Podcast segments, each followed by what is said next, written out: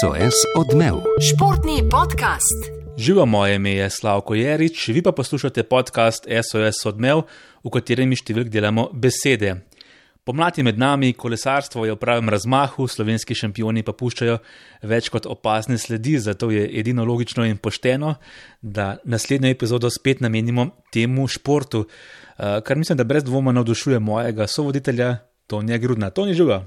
Živijo, uh, da uh, kolesarsko pester v spomlad, ampak vse ne smem pozavati. Zdaj le ta teden v resnici bo pa najbolj dogajalo vse v nogometu in kvalifikacijah domače Evropsko prvenstvo mladih, ampak uh, če pa celotno pomlad vzamemo, pa ja, je fokus tudi javnosti, mislim, športne, vsaj na MMC-ju, kar na kolesarstvu pa ne pozabi na slovenski ponos planico.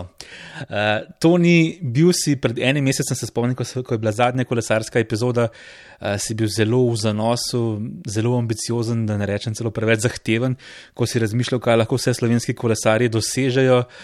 Uh, ampak ja, glede na to, kaj smo videli na začetku, uh, če se pojutro dan pozna, bo tvoj optimističen napad, znajo se vse, kar uresničiti. Kaj praviš?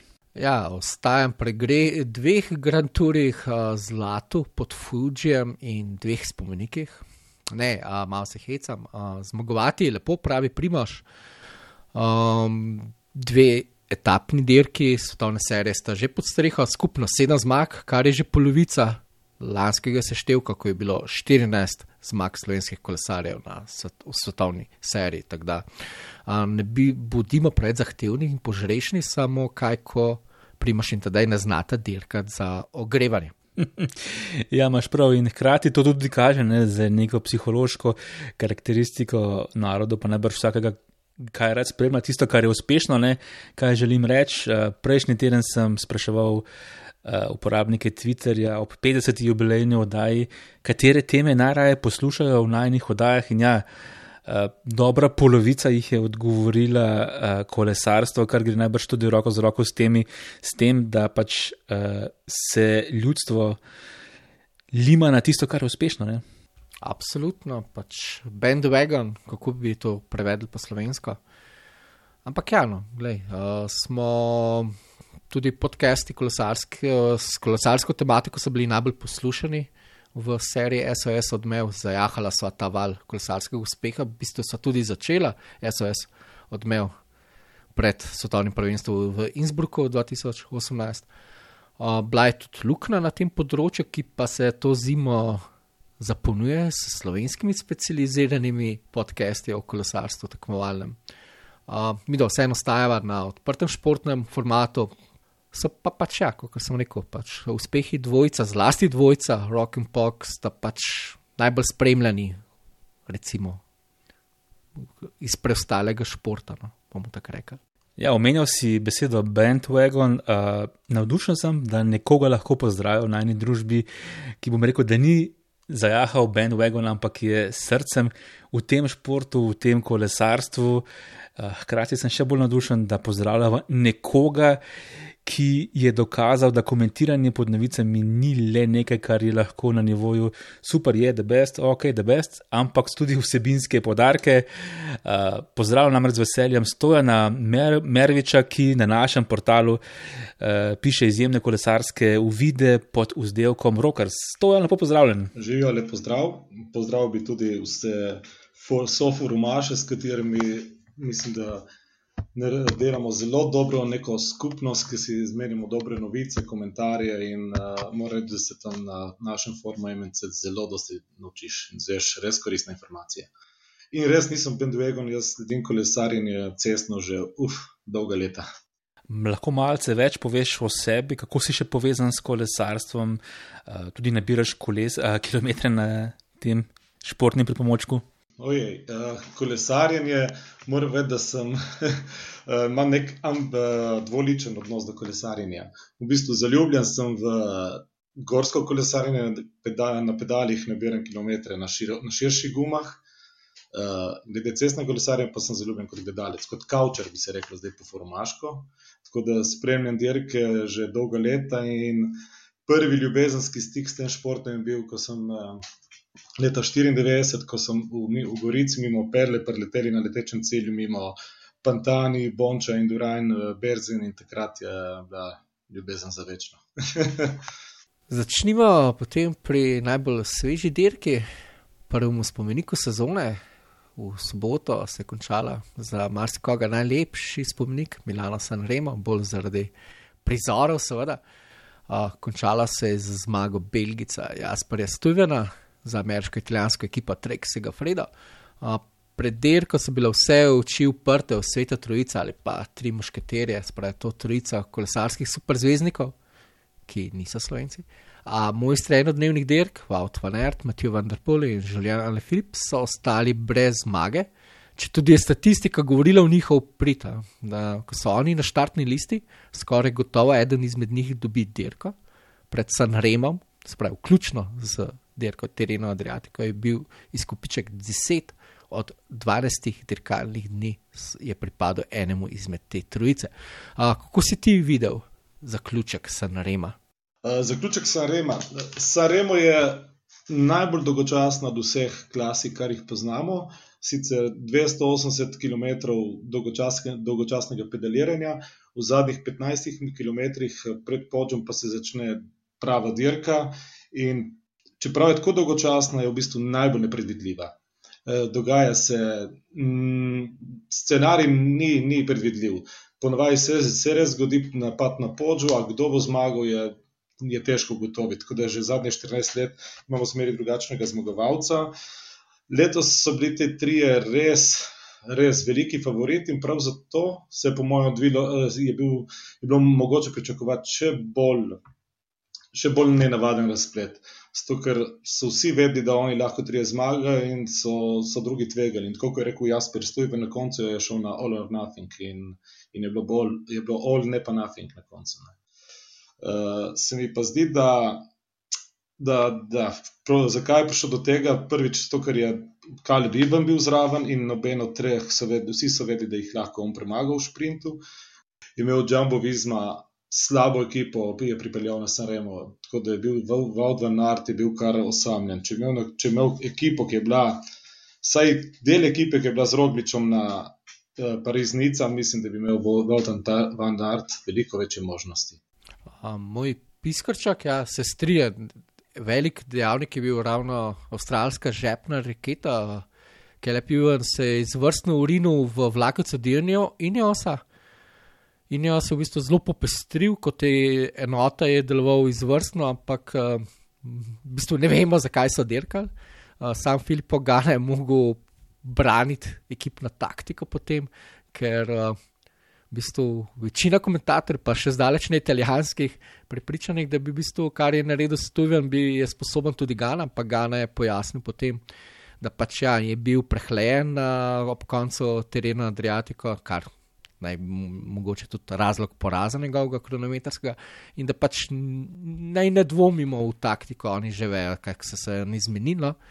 V glavnem, Juvan je v bistvu bil izreden. Uh, tudi to pospeško se je prelimal na kolo od Vauta v Nerta in je pokrival, in ni hotel biti Belgijec, njegov lead-out. Uh, drugi dejavnik za razplet, tako kot je bil, je pa slabo pozicioniranje Vanderpula, To mislim, da je njegova hiba na cestnih dirkah. V bistvu se mu je zgodilo isto kot Matej Mohorič. Ob vstopu na podjo je v bistvu sta padla z tam 10-12 mesta, sta zdrsala tam okoli 25-30 mesta. In potem je v bistvu sta popravljali pozicijo, pri čemer je zgledal, da je Mohorič lead out za Vanderpula. In klej mislim, da je šlo kar dosti energije. No? Obema, predvsem pa Vanderpulu, da bi prizoru približno podobno, kot je bilo Strade Bjanke. Uh, pa velika skupina, še en faktor za veliko skupino je pač bil, da ob večino časa vožnje ob Ligurskem morju so imeli zelo dober veter v hrbati in pač so bile zelo visoke hitrosti, tudi končni čas, oziroma poprečna hitrost je bila tretja najvišja uh, doslej. Ljudje niso bili tako zmatrani, ki jih poganja veter od zadaj, je zmeraj izjemno prijeten. Po svoje pa kar škoda, ne? če smo rekli, dolgočasna dirka je 270 km v voda, v tisto, kar veš, kaj te čaka. Moraš biti potem res v pravem trenutku na pravem mestu, tukaj je res Vanderpool zamudil svojo priložnost. Um, meni pa recimo pri, svojo, pri tem razpletu všeč dejstvo, uh, da je nekdo tvegal, ne? Belgijec Jasper je tvegal v pravem trenutku, ko se je malce taktiziralo, čakalo, a bo šlo na zaključni sprint, a bo kdo potegnil še tam na vse ali nič, dva km do konca je pač pediral na polno in se mu je to tveganje išlo. In to se mi zdi neka nagrada v tem svetu, ko se je pričakovalo, kdo naj bi potegnil, da si nekdo upal izvati, recimo to veliko trojico in potem tudi vse dosegel, ne? oziroma potegnil cel plen. Povedal bi, da je imel Jasper Steven obilo, mislim, sreče. Sreče, več dejavnikov mu je šlo na roko. To je prvo, da je bil zraven Kalibivan, kar pomeni, da noben ni hotel povleči za njim. Drugo je bilo, da, uh, da je povlekel Krag Anderson, ki, uh, ki ga je dohitel in sta skupaj prišla na cilj. Tako da upam, da, bo, da je Krag Anderson uplačal vešno pijačo uh, Steven. Uh, je pa res korajža. Toni, vse čas pred sezono si upozoril. Eh, da ima te Mohorič odkrito cilje, da mu je to en izmed ciljev sezone, 11. mesto je zelo dobro, ta dirka mu očitno eh, leži, dvakrat bo še boljši, peti in deseti. Skratka, po eni strani zelo, zelo blizu, hkrati pa zelo, zelo daleč, to nekaj praviš. Ja, pač um, sama tej, sama ekipa njegova, Bahrajn Victorious od letošnje sezone, pač je izpostala. Matej je bil kapetan, so kapetan, vse vedno igrajo na dve karti pri Bahrajnu, tako na Stade Bianche, kot kar uh, na Milano San Remo. Uh, vseeno, ve se pač, bil je v bistvu favorit, v krogu favoritov, recimo iz te druz, drugega, v bistvu celo tretjega ranga. Se pravi, po tej sveti trojici je pač en drug rang, pa ti bi pa on, kot eden izmed možnih napadalcev, predvsem na spustu in proti cilju. Uh, Matej, v bistvu, kot sem že prej rekel, je ključen trenutek, ki je to vstop na podžo, kar je ključno. Pač tam je oska cesta, ne more biti 20-30 uh, kolesarjev v spredju. On se je postavil za, tam sta se postavili dve liniji, dva vlakca, eden od The Kunik Quickstepa za Ala Filipa in Balerinja. In na drugi strani je bil Injos, ki je dobil to bitko, ampak ko se je pa združvalo, sta pa ravno zlasti Mohorič pa Vanderpol zgubila pač kar neki pozicije in potem je to Matej popravilo in mislim, da je klešlo pač res ta en višek energije, ki ga je on potreboval, da bi držal. Vemo pa vseeno, da nima tega udarca, pospeška, kot ga ima velika trojica, pa še en drug, tudi ne na zadnje, tudi Keleb Juven, kako je. Uh, držal ta priključek ob pospešku, uh, ali pa recimo Šahman, ki je zakrpal luknjo, in tukaj v bistvu se Matej spravi, od sem pogledal zjutraj še enkrat uh, zaključek, se pravi, ko je popravil pozicijo in se nalimal na kolo od Vandararta, je bil tam 8 do 10 in je 2 km na njegovem kolesu visel, uh, pa je pa prišlo po uspeš Kale Filipa, napade na čisto iste mesto kot Karlani, se pravi, to je približno minuto pa pol do vrha. In v tistem trenutku ga je podrezala uh, Mohoriča. In v bistvu do vrha ga je prehitev tudi Kolbreli. Od zadaj je imel Bahrajn, mislim, imel še ta drugega kapitana, so kapitana, so ne Kolbrelija.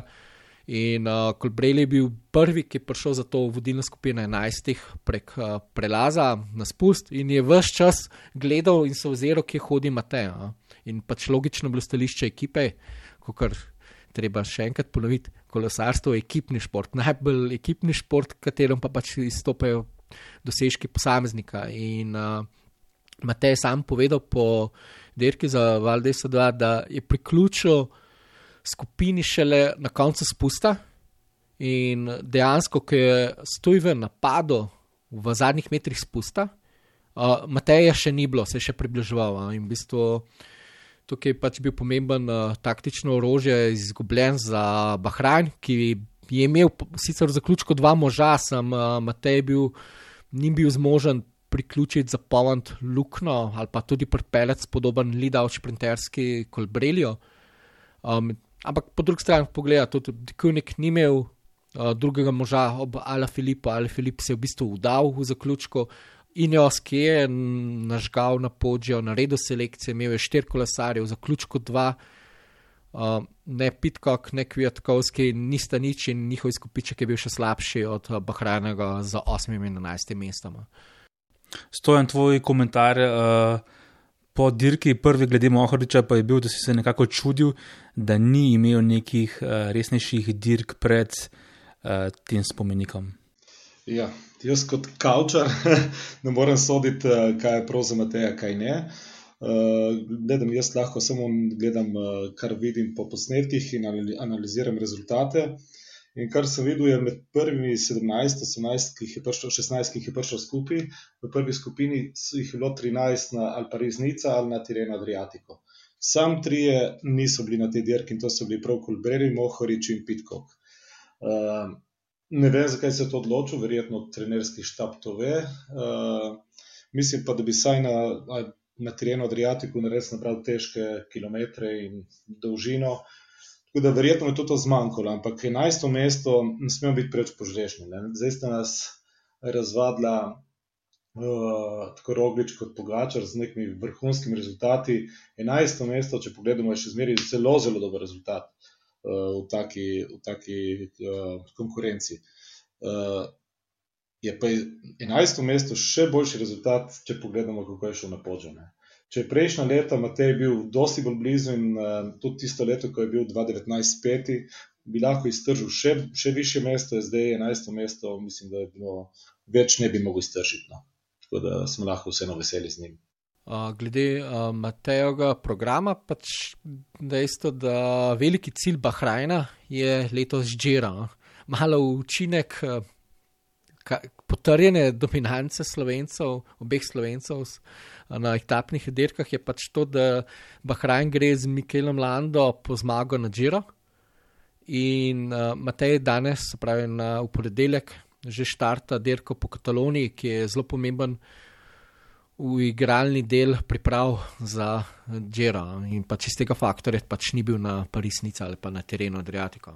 No, preden gremo mi iz uh, enodnevnih dirk tudi v naši debati na etapne dirke, uh, stojam samo eno vprašanje, še ena ocena. Ne rekel si uh, najbolj dolgočasen spomenik, uh, kateri pa za te spomenik recimo najbolj atraktiven ali pa najbolj zanimiv? Najbolj atraktivna je zvene Flandrija, zato zaradi števila gledalcev in uh, tako tlakovanih cest in klančkov. Najbolj zanimiva kot uh, ljubitelja Grand Touru pa je Lombardija, ker najbolj spominja na Grand Tour, ki ga zmagujejo v bistvu ponavadi najboljš, najboljši uh, kolesari, ki tudi zmagujejo Grand Tour. Uh, Rube je pa Teksas in tako da je zanimiv. Uh, Vsak ima svoje nekaj. San Remo je najbolj dolgočasno, ampak zadnjih 10 km je najbolj zanimivih. Je pa Lež, Baston Lež je spet podobna Lombardiji, ima tudi zmaguje lahko uh, najboljši iz Grand Tourov, tako da vsakem ima specifi, nekaj specifičnega. V bistvu pa mi je najlepša, mi je pa Strade Bianke, ki, je, ki upam, da bo postala, se neformalno že nekako šteje za spomenik. No. Sam bi pač rekel, da ja, Paris Rubej vseeno ima zasluženo svoj sloves. Pač, kot je super stojno rekel, je Teksas, je pač uh, divja dirka in je v bistvu res utrgana, pač veliko pove, da pač kolesarje res uvražajo, ne na zadnje zdaj. Ne, ne, tudi uh, Luka Mrzgac povedal, da je vesel, da mu je ekipa črtala, drugače gre na vse kockaste klasike v Belgijo in podobno sam, da je pa vesel, da mu ni treba iti na Pariz rube. Um, v bistvu so pri spomenikih je ravno to izvrstno, da čelamo so tako raznovrstni, da zmagujejo precej različni tipi kolesarjev. Ok, prvi rube je res specifičen, ampak. Uh, ostali trije pa spomladanske, pa zmagujejo lahko pač šprinterji, klasiki, pa tudi, tudi v San Remo, ne na zadnje, do 18 dubo uh, Nibali. Uh, Lombardija, glede tega, mora biti, mislim, ni, je atraktivna, ampak ja, atraktivna iz stališča pač ja, iz teh kolesarjev sposobnih zmagovati uh, etapne dirke zlasti tedenska in uh, tritedenska. Da, ampak klepa šprinterji so hendikepirani, pa tudi klasikarji. No, ampak mogoče bomo videli, glih uh, Van Arta pa Vanderpula, kako bi šla, ni, nima bo šla kdaj še Lombardija. No, preden se res poslovimo od San Rema, to ni vem, da si mi govoril pred sezono, se je nekaj šušljalo, da bi lahko tudi te tej pogačar vozil to dirko, ampak ja, so bile le govorice, očitno uh, ima res program namenjen uh, turune. Uh, da, mislim, ni mu skrivnost, da pač lanski let je šel preizkusiti uh, zaradi dolžine, pa tudi vročine, da bi to delo igravan za tur. Uh, ne, ko je bila predstavitev njegovih načrtov na prvem prepravljalnem taboru v Združenih arabskih emiratih, je povedal, da predstavljal program, ki se ga bo poskušal eh, držati, je napor zelo dolg, raznovrsten in kot smo videli, uh, tudi na strade Bjanke, pač tedaj ni šel dirkati samo zaradi kilometra, ampak po izita. Tako da San Remo, mislim, mogoče nima tega pospeška. Medtem ko drugo, kaj definitivno bi si pa želel Rogliča videti na tej progi, kot je tudi stojno omenil, mogoče v vlogi prvega pomočnika ali pa drugega duta Jumbo Visme, da bi imel Van Art roglo za ta pospešek ob koncu in tudi sprint. Pač to bi bil tudi eden izziv za naslednji, potem ko zmaga, se vemo kaj. Uh, ja, glede Pogačara in Rogliča na Saremu. Jaz uh, vidim Pogačar, ja, predvsem, uh, njegove šanse, če bi bilo slabo vreme, tam bi se njegove šanse še bolj povečale, ker je videti, da, da fant uh, slabe, slabe vremenske razmere prenaša boljše kot ostali. To je pokazal že na terenu Adriatika v tisti nori uh, peti etapi. Uh, jaz mislim, da tako Roglič kot Pogačar bi znala imeti tisti izstrelek na koncu podža. Uh, je pa seveda odvisno, kako se razvija dirka. V tem, koliko ste kazali zdaj formo, jaz mislim, da med, če spođo bi prišla med najboljšimi, ali bi naredila tam razliko, ne je težko vedeti, uh, ni pa nemogoče. No. Tako da jaz za njih dveh, če je zmagal to dirko, ni bal, jaz mislim, da je lahko tudi na dva. No. Seveda pa se mora vse poklopiti. Ja, smo videli že na Lež, Baston Lež, da se je poklopilo recimo v slovensko uh, korist. Poleg tega, ne, če smo pri Trinu Adriatiko končno pri tej dirki ne, in ko si stojo namenil to uh, famozno peto etapo, ko je bilo 14 tako imenovanih zidov, uh, tudi slabo vreme, uh, videlo se je, da Pogačar ne, pa dirko je bil Pogačar, drugi je bil Vanert. In zdaj, če gledamo, kdo hoče razširiti krila in ti na drugo stran cestnega kolesarstva, ekstrema, ne Vanert, vemo, da se v zadnjih časih sploh eh, na krilih, recimo belgijske javnosti, želi preizkusiti tudi na etapnih dirkah, ne mara nekoč, nekoč ne v bližnji prihodnosti, tudi na tritedenskih dirkah, na drugi strani, da nikoli ni skrival uh, svoje ljubezni do klasik in recimo s takimi predstavami je dokazal, da nekoč v nekaj letih, če bo temu tudi seveda priredil koledar in želje, brez doma je sposoben takih zmag. Rekl si v nekaj letih, kaj, jaz mislim, kar v nekaj mesecih. Res mu manjka še v bistvu ja, ta zmaga na enodnevnih dirkah, ampak gre proti temu. Uh, ko si menil v avto in tudi pogled, kako to širta, v bistvu to je nima v bistvu že v razvoju, sta šla čez te faze.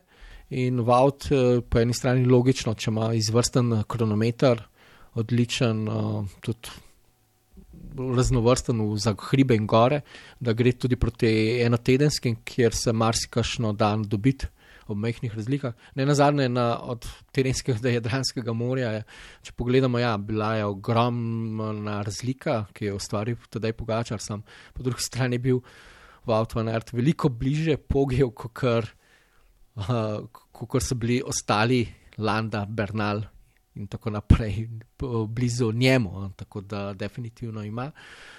Uh, Ba pa pač uh, tedaj res to izjemno, kako rekel, sposobnost, da ko prevzamejo skupno vodstvo, ga ne spustijo. In dejansko to v karieri uh, se mu še ni zgodilo. No odkar je na Giro dela Luničana 2016, uh, mimo grede, Matej Mohorič je isto dirko dobil 2012, ki je prvič slavil skupno zmago na mednarodni sceni. Uh, je prišel tudi že takrat do skupne zmage zadnji dan, sicer gre samo za tri dnevno dirko. Uh, ampak ja, v bistvu takrat pa on vedno napreduje, zelo, zelo, zelo redko on nazaduje med etapno dirko, ne izgublja mest. V bistvu, če pogledamo la, v lanski sezoni, se, se mu to zgodilo samo na Defineju, v drugi etapi, ki je bil spon na Kol de Port, port uh, pa je bil um, meglen dan, hkrati je bil še zmeraj dosti vroč topo in sam priznal, da je premalo pil, premalo, slabo uh, prehranjeval se za to. Uh, za te okoliščine, pa seveda na tisti znameniti uh, vetrovni loteriji pred uh, Pireneji. Drugače pa samo napredoval. In isto je tudi prvi sezoni krstni med svetovni seriji v 2019. no. Um, pač dejansko je ta uh, regeneracija, o kateri govorijo od prvega do trenerja, od Miha Koncilija pa do zdajšnjega trenerja Iniga San Milana. Pač to je res njegov osupljiv adut. Uh, in ja, samo pridobiva. In ravno te zadnji dnevi, uh, pogledamo na Welti, je pridobil dve mesti, je prišel na Gredos v predzadnji etapi, spet v držu, v hladu, iz petega na tretje mesto, ogrožal Valverdi na drugem, pa seveda lani na v kronometru na La Planche de Belfija. Tako da to, kar straši kon konkurenca. No? Stojan, zdaj, kar Toni je rekel, to me bolj spominja nekega izkušenega kolesarja. Vemo pa, da bo tada še leta in let, no, nekaj let bo še nosil na teh dirkah tudi belo majico. Skratka, je mlad kolesar. Kako gledaš res to zastrašujočo statistiko, ko pride v majico vodilnika, je ne izpusti? Ma, pri njem je to najbolj zanimivo, da, je, da ne zgleda fant kot robot, kot programiran, da, da dosti krat deluje zelo impulzivno, napada, da je tudi zgleda malo brezglavo. Ampak kljub, kljub temu ima fant vse pod kontrolo. Tako da to, uh, njegovi napadi, toliko krat, ko on skoči, uh, je na prvi pogled neumno, na, na sploh tisti napad na Vuelti 2019, pred zadnja etapa, tiste sploh zgledal napad uh, tako brez glav, ampak na koncu se je mu je, mu je znesla. ne vem. Zna toliko ceniti, koliko, koliko moči ima, koliko je sposoben. In, in kar je zanimivo pri tej novi generaciji, ne samo pri njemu, tudi pri tudi Bernal, tudi Van der Poel eh, in Van Art, vsi imajo korajžo napadati. To pri teh fantih mladih je to tako zanimivo videti, ker rečemo starejše generacije, Frumi, Wigginsi, Evans in, in podobni prej so vsi dirkali dosti bolj uh, razumsko, z manj napadi, s kontroliranjem, z močjo ekipe, z vlakci. Vsi napadi so bili tako, uh, kot bi jih narisali pred etapo, šablonsko, da je na vrh klanca. On pa napada, ima korajžo in uh, zgleda, da res se zna pravilno oceniti, koliko, uh, koliko moči ima. Ja, to, to, je res, uh, to je res razlika z neko drugo generacijo. Uh, pa smo pri tej statistiki ne, neverjetnega uh, zadržka rumene majice, majice vodilnega, ne, moramo pri, na tem mestu stopiti še uh, k drugemu izjemnemu slovencu, številki ena uradno svetovnega kolesarstva, prim, uh, Primožu Rogliču. Uh, ki je odlično dirkal na dirki Paris-Nica, tri res fenomenalne etapne zmage, potem pa se mu je še tretjič v dobrem letu pripetilo, uh, da zadnji oziroma predzadnji dan ni zadržal malice vodilnega. Stojem, kako pa gledaš recimo to na drugi strani res uh, ta nenavaden niz Primoža Rogliča? Ne vem, kako res meni tudi ni jasno, ker prav obratno uh, z Pogačem dirkata na drugačen način. Medtem ko eh, Pogačar zgleda tako naiven, poskočen, nepredvidljiv, je Roglič tem tako, smo prej opisali, da zna dirka prav po šablonsko, odlično, ima vse pod kontrolo, napade, kadar je treba, ne zgublja nepotrebno moči. In zanimivo, da prav takmu kolesarju, ki dirka res po učbenikih, se mu zgodijo v zadnjih etapah uh, take stvari. Ne vem zdaj, ali je to krivo, da je preskočil, domač povedano, osnovno šolo, ampak po mojem ni preskočil samo osnovne šole, ampak tudi srednjo šolo in je kar diplomiral in zdaj dela že, ne vem, četrti, peti doktorat, tako je on hiter in uspešen in dober kolesarjenju. Se pa zgodijo zadnje dneve nepričakovane, nenavadne stvari, ki se upam, da se bo dogajalo zmeri manj. Droglič je tak, da se hitro uči in uh, upam, da bo temu tako. No. Ja, dejansko so se nabrali ti pred in zadnji dnevi, ampak po drugi strani pf, za vsakega se je našla kakšna dobra raz, razlaga, obrazložitev, okoliščin in napak. Ampak zdaj je pa postaje malenkost breme, mislim, tudi medijsko, ampak gre tudi ka, v karavani. Ja. Ampak ja, se lahko se malo gremo kronološko na začetek. Uh, Tour 2018, po veliki zmagi, V pred, pred zadnji etapi je bil sledil še kronometer, kjer je v bistvu se mislil, da bo napadlo lahko celo drugo mesto in um, domljena, pa ga je Frum na kronometru potisnil z odra, se pravi, iz tretjega na četrto mesto. Potem je bil pač ta nesrečni Džiro, kjer pa je zadnji dan rešil v bistvu stvari po bolezni, po pace in še kazni, je pa v Veroni s kronometrom prišel na odra ampak potem pa je prišla ta, zdaj v zadnjem letu, kolodarskem, ta zakleta Francija, očitno, spravi najprej ta padec na Dauphineji, pa če pametno mogel odnehati uh, zaradi višjega cilja, zaradi tura, ampak je čutil tam posledice in je kar je imel faktor. In potem je seveda ta La Planche de Befi, kronometer, ki se je zapisal tako v zgodovino, zdaj pa resnica. Um, no, vemo, paci so del njegove kariere. Uh, tudi, ker je na dirki po Azerbejdžanu 2014 prišel do svoje prve karierne zmage v drugi etapi, ni dokončal celega tedna zaradi posledic paca. Um, tudi njegova partnerica Laura v knjigi piše, kaj je najhujša stvar pri vsem kolesarstvu, predvsem treningih, odrekanjih, odsotnosti, so ti paci. Um, ali pa mogoče. Poti smo že malo pozabili, da on je bil le uh, skakalec in vemo, po, po, žal, po čemu je najbolj znan kot skakalec, po tistem grozljivem pacu v plenici 2007. Tako da, mogoče tudi njegov prak, bolečin njegov prak, ki bi rekel, dojeman posledic in usodnosti paca, mal, malce drugačen, više. No? Um, Ma pa vseeno, no, da bomo to preveč črno gledali, bomo videli, seveda, kaj prinaša že naslednji dirki, naslednji izzivi. Bo zagotovo več vprašanj, več pritiska na ekipi zadnje dneve, ampak ima pa en drug, uh, on usupljiv uh, niz. Že od terena Adriatiko 2018 na vsaki etapni dirki doseže vsaj eno zmago, etapno ali pa skupno to je ni skupno že 16 etapnih dirk z vsaj eno zmago.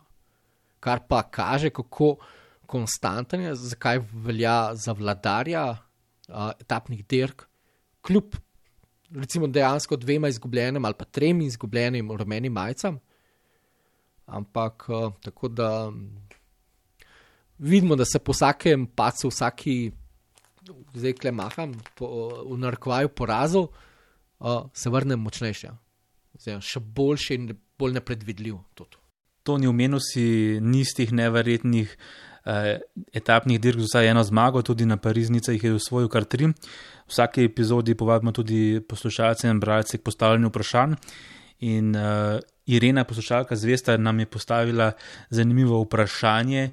Uh, in sicer glede na razplet zadnje etapne etape, ko je Primoš padel kar dvakrat, vemo, uh, da so v igri nepisana pravila o džentlmenskih dogovorih, da se čaka ali ne čaka vodilnega kolesarja, zanimajo vajno mnenje, kaj je s tem, ali pa je bilo to, tudi, to je pa moje podoprašanje, to tudi uh, del kazni peletona, ker je dan prej recimo napadal tik pred ciljem uh, Medveda, ki je bil pred uh, težko zmago na gorski etapi. Stojan, kaj ti meniš? Jaz bi se vrnil najprej k temu, kar je prej povedal Toni, da res imel roglič neke nesreče v zadnjih etapah ali kar se mu je zgodilo, ampak problem, upam, da ne bo, da naša družba, javnost, ki ga spremlja, roglič ne bo veljal kot nek tragični junak. Roglič je junak brez tragični. Ne. To, kar je on svojil, to, kar je on zmagal, to, kar je on dosegel, je nekaj neverjetnega. Ne. Tako da, ko se je prelevil iz skakalca v najboljšega kolesarja na svetu, to je junaštvo, ni tragično junaštvo. Eh, in srčno upam, da ne bo ostal v spominu ljudi, kot Tunika je izgubil tur v zadnji dan, ampak tako je zmagal dve veliki, ki je stal na stopričkah na tur in žiru. Tako da jaz, jaz si ga bom bolj zapomnil na, to, no? na ta način. Um, glede na te dirke, eh, Paris-Nica, moram reči, tisti posnetki in prenosi iz zadnje etape so bili kaotični, tako kot je bila kaotična etapa. In jaz nisem razbral točno, ali, ali, ali je res peloton napadel, zato ker se vidi, da roglič zaostaja, ali je zaostal, uh, ali so oni, je, prve ekipe so pritiskali na spredi, tudi ne glede na to, ali bi roglič od zadja spredi. Tako da jaz nimam protočne slike, kaj se tam dogajalo, sem pa prepričan, da tista zmage en dan prej, ko je, ko je prehitel Maderja, se mi ne zdi, da bi ga zaradi tega peloton uh, kaznoval. Kvečem bi to lahko naredila. Je pa res, da je tudi povlekla tam ekipa Kubeka, ki ni imela nobenega smisla, ni imela nobenega, nobenega v igri za zmago. Mogoče so oni se dali zaradi tega zraven, ampak dvomim. No. Uh, jaz takrat bolj kot napako Rogliča sem videl napako njegove ekipe, ki je bil takrat, ko se je pojavili te slika prenos, ki je Roglič je bil v enem momentu sam, kar se uh, vodilnemu na, na taki dirki ne bi smelo zgoditi. No. Ja, uh, jaz pa mislim, da, da Bora je pritisnila, uh, vedoč, da nikjer rumene majice ni in da nekaj ne štima. Ampak gre pa glih za to, da uh, komisarji paca niso videli, niti tehničnih težav z verigo. Večina ekip ni doje, dojela, da pač uh, Rogliča ni v glavnini. In uh, tudi ekipa sama, Jumbo Visma, ne vem, če je čisto tako izproti vedela, kaj se dogaja. Um, ampak ja, lahko bi lepše, jaz mislim, da izpadali, če bi dopustili, da ujame glavnino, pa magar sam ali pa sem z enim pomočnikom, pa ga potem uh, pritisnejo, ker bi bil pošteno potovčen. Uh, ker je kar močno že na levem boku se zunaj nabrala na koži. Tako da vprašanje je tudi, no, če bi lahko zdržal tisto oster tempo. Ampak mislim, da vse en kleni to, ki igra rumena majica, ne rumena, da se ne napada, pač so pač okoliščine. Uh, in predvsem to, kar so sami priznali, da pač šlo je za serijo, ampak se je v bistvu, rečemo, katastrofi, izgubi, taki tako izgubiti tako dirko, v kateri tako dominiraš, pa se je zgodila res serija na ključe, pa napak, tako sam primaš napake pri pacih, ki se točno ne ve, kako se je zgodilo. Uh, drugi je bil v zadnjem vinku, ko se je v bistvu prišlo do reke in se je šlo naprej, pač takrat je bila tudi uh, glavnina najbolj raztegnjena. Uh, pa tudi Jumbo Visma, uh, kaj se je v bistvu dogajalo. Šlo je v bistvu za tri kroge, in ta pomočnika za poravnem, Hofstede in Van Emden, odstopila po dveh krogih in nju ni bilo več v zadnjem krogu. Bilo šlo je za kratko etapo, 92 km. Jaz mislim, da ja, po prvem pacu so oni se postavili preveč na čela, sploh v tem drugem krogu, ki je bil še veter, uh, kar močan občuten in so tam potrošili te dva pomočnika preveč, mogli bi bolj konzervativno se jih ne bi nič stalo, pač eh, važno bi se postavil kot primož in ga probal pripeljati, ker bi vse en mogli vedeti, da v zadnji klanec ga bodo napadali, glede na rane in poškodbe. Uh, kaj se je zgodilo po drugem pacu, se pravi, bila je še dodatna težava z verigo. In ko prvi posnetek ga pokaže, pokaže, kako George Bennett, v bistvu preden pokaže primoža, kako George Bennett maha, ki je bil za njemu in ima on sam tehnične težave. In se pravi, je bil samo Bennett ob njemu ostal. In ko ga pokaže, prima, že vidimo 20 metrov galoči od repa glavnina, v kateri pa sta bila še zmeraj Krujzek in uh, Oman. Tako da so vpraša, vprašanje, kako so tudi radijske povezave delovale pri samem primožu zaradi pacov, pa med uh, avtomobilom in ostalimi kolesarji. In glavnem, potem pa seveda, zakaj se je Jumbo odločil, potem ko so se končno zbrali, se pravi, bili so primož in še trije, Krujzek. Uman in Bennett, zakaj so se odločili na Juriš, da morajo na Juriš uh, priključiti glavnini in so se v bistvu skorili, pokorili so vse metke in je Primoš ostal sam, imeli so po 52 sekund prednosti. Uh, Potem se je videl, da je dobil občasno zaveznike, kar je bilo presenečen. En fan terrible, Nasr Boani, ki je naprimer, na Sanremo svojega lastnega, so tako malce preklel, pa mu še kolo za brisovanga, mu je v bistvu največ pomagal, ker je jim bilo še upanja.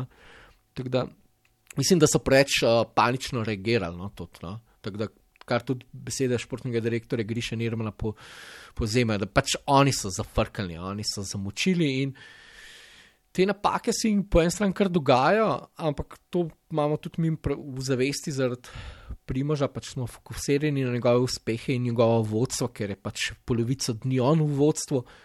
Ampak napake se vse dogajajo, kot sem rekel, na San Remo Ineos ne vemo, zakaj je tako odlično dirkal, na koncu pa ni imel enega med deset in uprizoril vsaj resnega poskusa za zmago.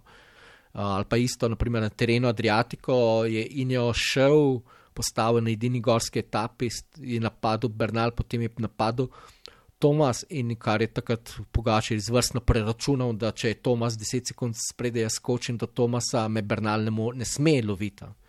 Um, napake so sestavni del, tam je v bistvu 22, 23 do 25 ekip in vsi preračunavajo. No. Ampak ja, pač dobra šola za celotno ekipo um, uh, Jumbo Visma.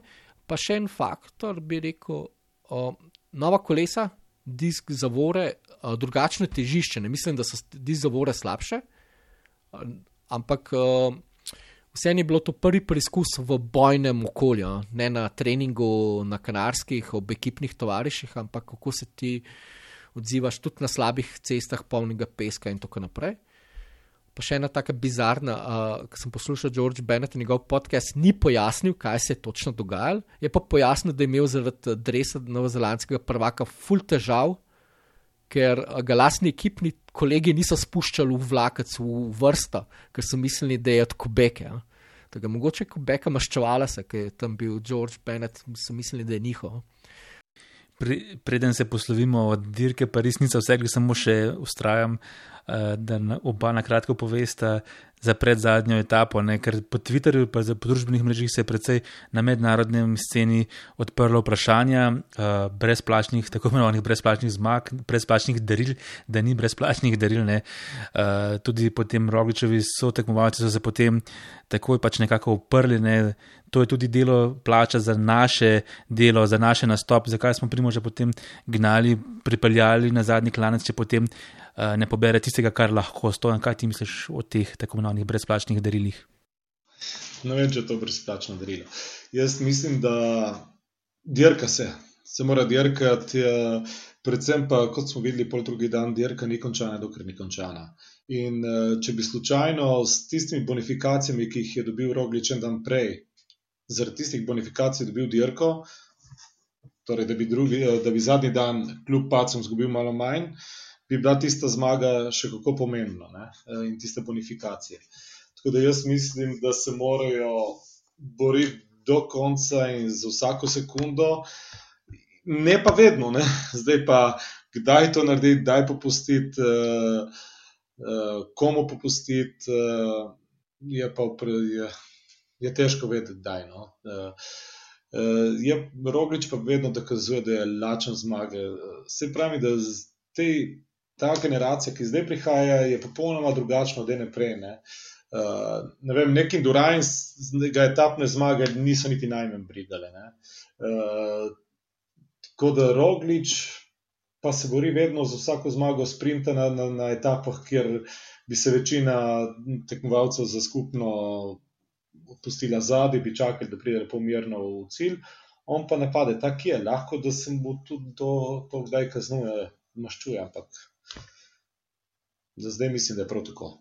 Mislim, da faktor Džino Meder ni bil, zdaj na zadnje tudi Bahrajn, Viktoros ni nažigal uh, tempa v nedelo, niti. Ni, predvsem pa sam š, mladi švicar je na Twitterju jasno povedal, da pač bi mogel biti, imeti močnejše ro, uh, noge, uh, malo hitrejš uh, pride do cilja in to bi bilo to. Ne na zadnje podarja. Podarja se lahko bi podaril zmago, če bi on sodeloval s Primožom, da bi ona dva skupaj napadla v zadnjem kilometru ali pa da bi mu delal prednost in tako naprej. Drugač pa takih zmag se ne podarja. Uh, predvsem pa ne na zadnje, v vseh anketah, ki so jih ali Eurosport, GSN ali pa YouTuberi postavili, v bistvu je bilo odstotek v korist, pač da je Primož naredil prav, je bilo 80 plus, tako da v bistvu to sploh ni dilema. No? Bi pa druga stvar je to, da po turu in po izgub, izgubljenem, uh, izgubljeni rumeni majici pač ni več daril, uh, dirka se za vsako sekundo, ne na zadnje, ravno vse analize, premišljanja o letošnji trasi, dirke po Franciji, govorijo, da bodo bonifikacijske sekunde ekstremno pomembne. In Primo še dokazal, ko je šel na Uvelto, sicer brez pravih priprav, uh, fokusiranih z višinskimi pripravami, ko še na dirko po Španiji in je tam v bistvu zmagal na, po zaslugi sistema napadanja in jurišanja po benefikacijske sekunde. In prav isto se bo dogajalo uh, letos poleti v Franciji, vsaj tako se napoveduje. In iz tega je pomembno, da pač imaš ta zadnji udarec, puš in greš po bonifikacijske sekunde. Ko pa se jih bo spet ukinilo, kot je bilo eno določeno obdobje, bo pač drugače dirka, ampak mislim, da je zaradi tega bolj zanimivo, bolj napeto. Res pa da to favorizira ravno dva slovenska kolesarja. No, in preden se bo ta slovenska kolesarja srečala na dirki po Franciji, čaka še eno križišče in sicer Baskija, ki je kar blizu uh, časovno. Kaj vidva pričakujete od njiju, da boste prikazala na tej dirki? Ja, trasa je narisana za oba, tako za rogliče kot pogačarja. Uh, kratki klanci, eksplozivni, etape niso predolge, že prvi kronometer je super za njih dveh. Eh, in jaz mislim, da, da bomo tam videli, če bo vse v redu, normalno bomo videli njihov njun dvoboj. Eh, v tem trenutku jaz ne vidim, kdo bi jo lahko ogrožil, če je vse v redu. No, no jaz sem uh, tudi fan Riča Karapaza. Uh, tako da uh, želno, z radostjo pričakujem, kako mu bo šlo uh, ta teden uh, v Kataloniji, kjer je drugače izvrstna postavi, postava, mislim. Prvič bosta dvojčka jajc, drug proti drugemu in to v različnih drevesih, tako da bom končno jih lahko ločil. Glavnem, izvrstna derka za ogrevanje in razmerje moči zdaj le spomladi, in kar pa zgre potem tudi v Baskijo. Um, ampak ja, to je Baskija, to je glavna derka prvega dela leta za Baske. In tako da, vse je, zakaj pa ne bi bila slovenca malo združila moči proti Baskom.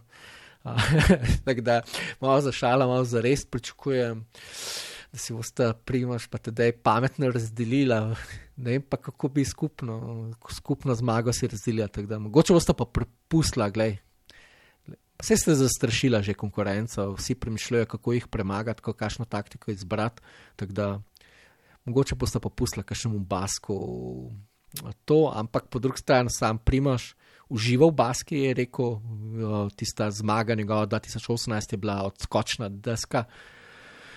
Za vse njegove kapitanske vloge, ja, ne na zadnje lani, na začetku v Velte je dobil to uvodno etapo na Arate, ki je zdaj tradicionalni zaključek dirke po Baski.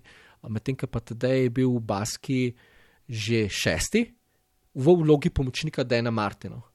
Tako da mislim, da res je pisana uh, dirka tudi za njo. Pač kratki, strmi klanci niso v višinske, uh, nadmorska višina ni strahotna, ampak uh, bo kar, uh, bi rekel, uh, ne srce parajoč, upam, da bo hvari spet, ampak uh, bomo spet razdeljeni malo. Slovence ali ne, no, vem, Slavko, kaj ti imaš ene misli o tem, mislim, da.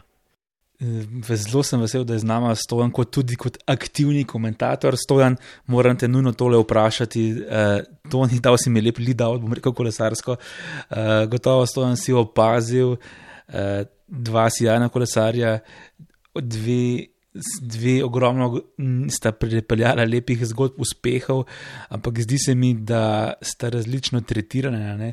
Da je Primoš Roglič svojo, svojimi paci in usponi in paci in usponi uh, čustveno predvsej, predvsej bolj uh, se dotaknil slovenskih kolesarskih spremljevalcev, kot pa recimo Tadej Pogačar. Kako ti to vidiš, to recimo njuno dihotomijo? Ja, mislim, da to ni njuna, to je naša. da jaz mislim, da sta ona dva, vsaj kar sem prebral, kar sem slišal, še nobenega od njih nisem slišal, da bi rekel, kdo kaj slabega od, od drugega. Tako da smo imeli že neke dualizme v kolesarstvu, so, so močno znani, predvsem Kopi Barteli, ampak ona dva sta se razlikovala res v, vem, v filozofskem pogledu na svet, eh, pa v stilu kolesarjenja. Eh, na zadnje sta bila tak iz iste države, velik dualizem je bil med eh, Simone, Simone, Simonijom in Kunegom, ki sta bila pa celo v isti ekipi. Ne? In tam so pa res letele grde besede. Med njima dvema Jaz še nisem opazil, da bi kdo kaj rekel proti. Kar sem opazil, je bilo samo spoštovanje in pohvale na račun drugega. Tako da ta dihotomija, nasprotovanje je nastalo prav, prav pri nas, po forumih in medijih so to podžigali, kar se mi zdi neumno, ker imamo taka dva super, super, super športnika, ki nam celi svet zavide. Jaz mislim, tako, ko berem bolj italijanske medije, oni nam, mislim, bi plačali zlato menega ali drugega. Tako da ta dihotomija je pa, mislim, da ni nastala z, z lanskim turom, ampak je že na tisti Džiru, kar so 2019, ko so prvič zareč, začeli slediti slovenski mediji. Do takrat je že. Že ko je bil uh, Rogla 2018 četrti na turu, še ni bilo tako sploh tega masovnega uh, sledenja medijev uh, kolesarstvu. Še po tistem uspehu v četrtem mestu se je res ta Giro 2019 pričakovalo. Vsi mediji so, so šli tja, tudi tisti, ki prej so, niso imeli pojma o kolesarjenju. In tako, se, tako ko prišel, so prišli mediji, rumeni, tračarski na Giro, tako je tudi uh, publika postala malo bolj uh, strokovna, v nevednicah, je postala bolj tračarska.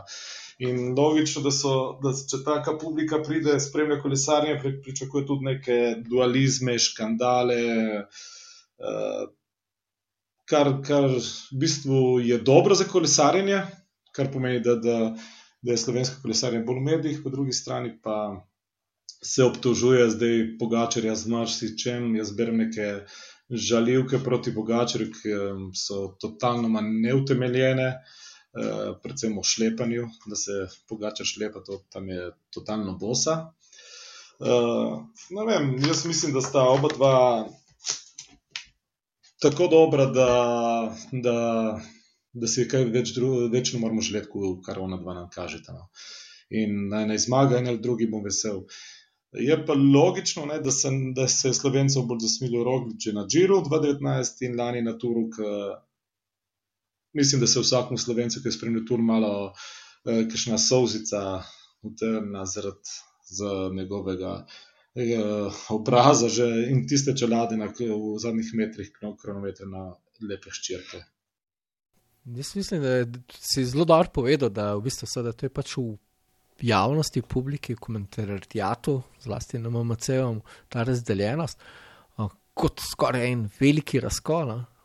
Ampak sam sem bil ponoključil, pa niti ne tako ponoključil na državnem prvenstvu, na krvavcu, po razpletu, ki se je ulila nevihta v šotorčku, so bili tam notri, spravi, vsi tri najboljši in kako so se pač zafrkavali in šalali o tem razpletu.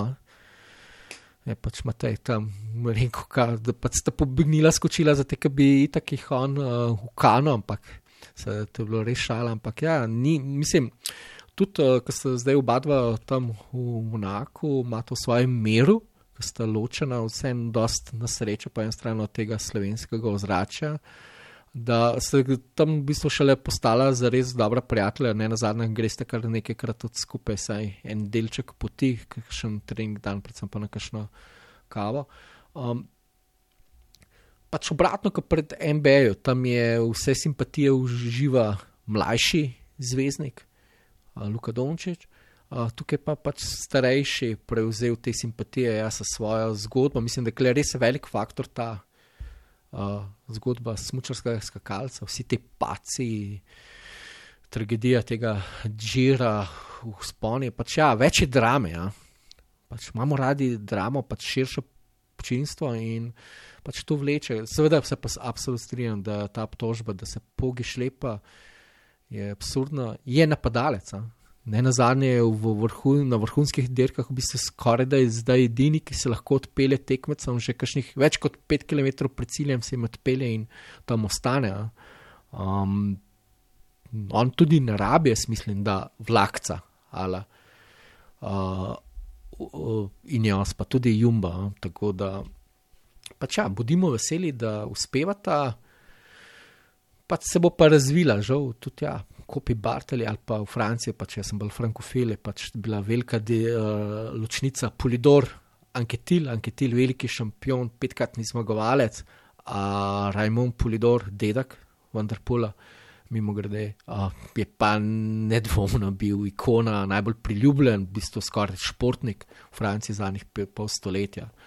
Um, pač tako je, no. pač mogoče tudi pri nas žal, eden bo pobiral lovorike, drugi pa simpatije.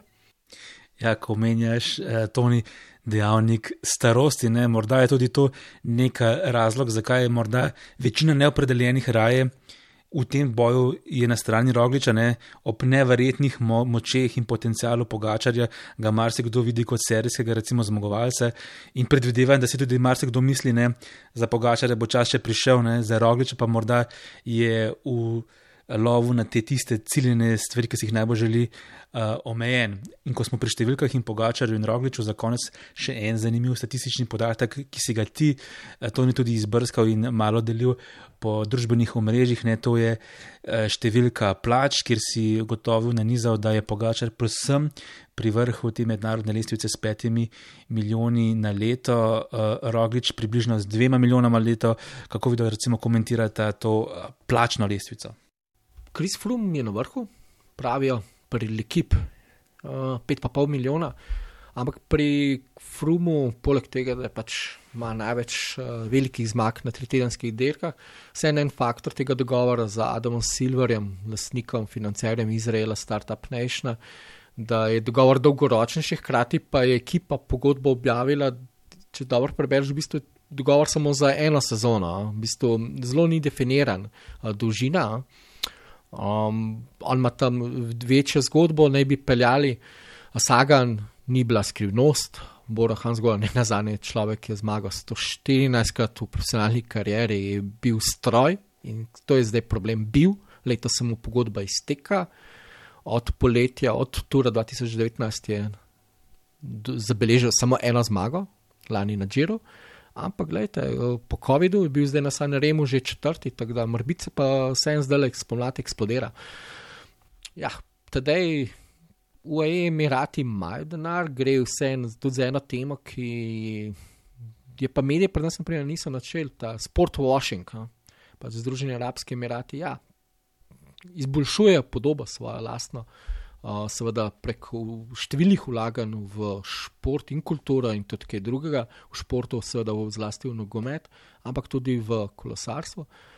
Imajo denar, imajo močno ekipo strokovnjakov, predvsem bi jaz rekel, da so tukaj zelo raznovrstni in ni presenečen. Pač trenutno najboljši pokazuje in zaradi tega jaz tudi mislim, nisem plača, plača je pokazatelj pričakovan in da ja, tedaj letos zdaj dirka samo še za izide. A? Dve zmagi, tisto sedmo mesto na strade Bjanke, Baskijo tudi ne gre sem pogledati. Um, to je pač realno. Kaj pa potli uh, Roglič, pri dveh milijonih Jumbo je malce skromnejša ekipa, sicer zelo intenzivno krepi um, proračun, ampak moramo vedeti, da so bili oni 2014-2015, ravno ki je Primoš prišel v bistvu na dnu svetovne serije, vprašanje, če bi sploh preživel um, brez uspehov, ki jih je hitro Primoš prenesel in pa kruzivkov tistega nesrečnega džera. Um, oni imajo malo drugačno strukturo, gre pa seveda za to lestvico plač, gre to za osnova, brez bonusov in pri tem ne bi imeli nizemci kar izdatne, no? v procentih malo bolj izdatne. Uh, Um, glej, pač zaslužila sta si in si jih boste prislužila, zdaj gotovo boste jih poplačala še z kar nekaj zmagam. Tako da mislim, da bi zlasti prima si zaslužil malce več. A? Ja, verjetno res pri tem igra ključno vlogo tudi starost in konc koncev tur je tur.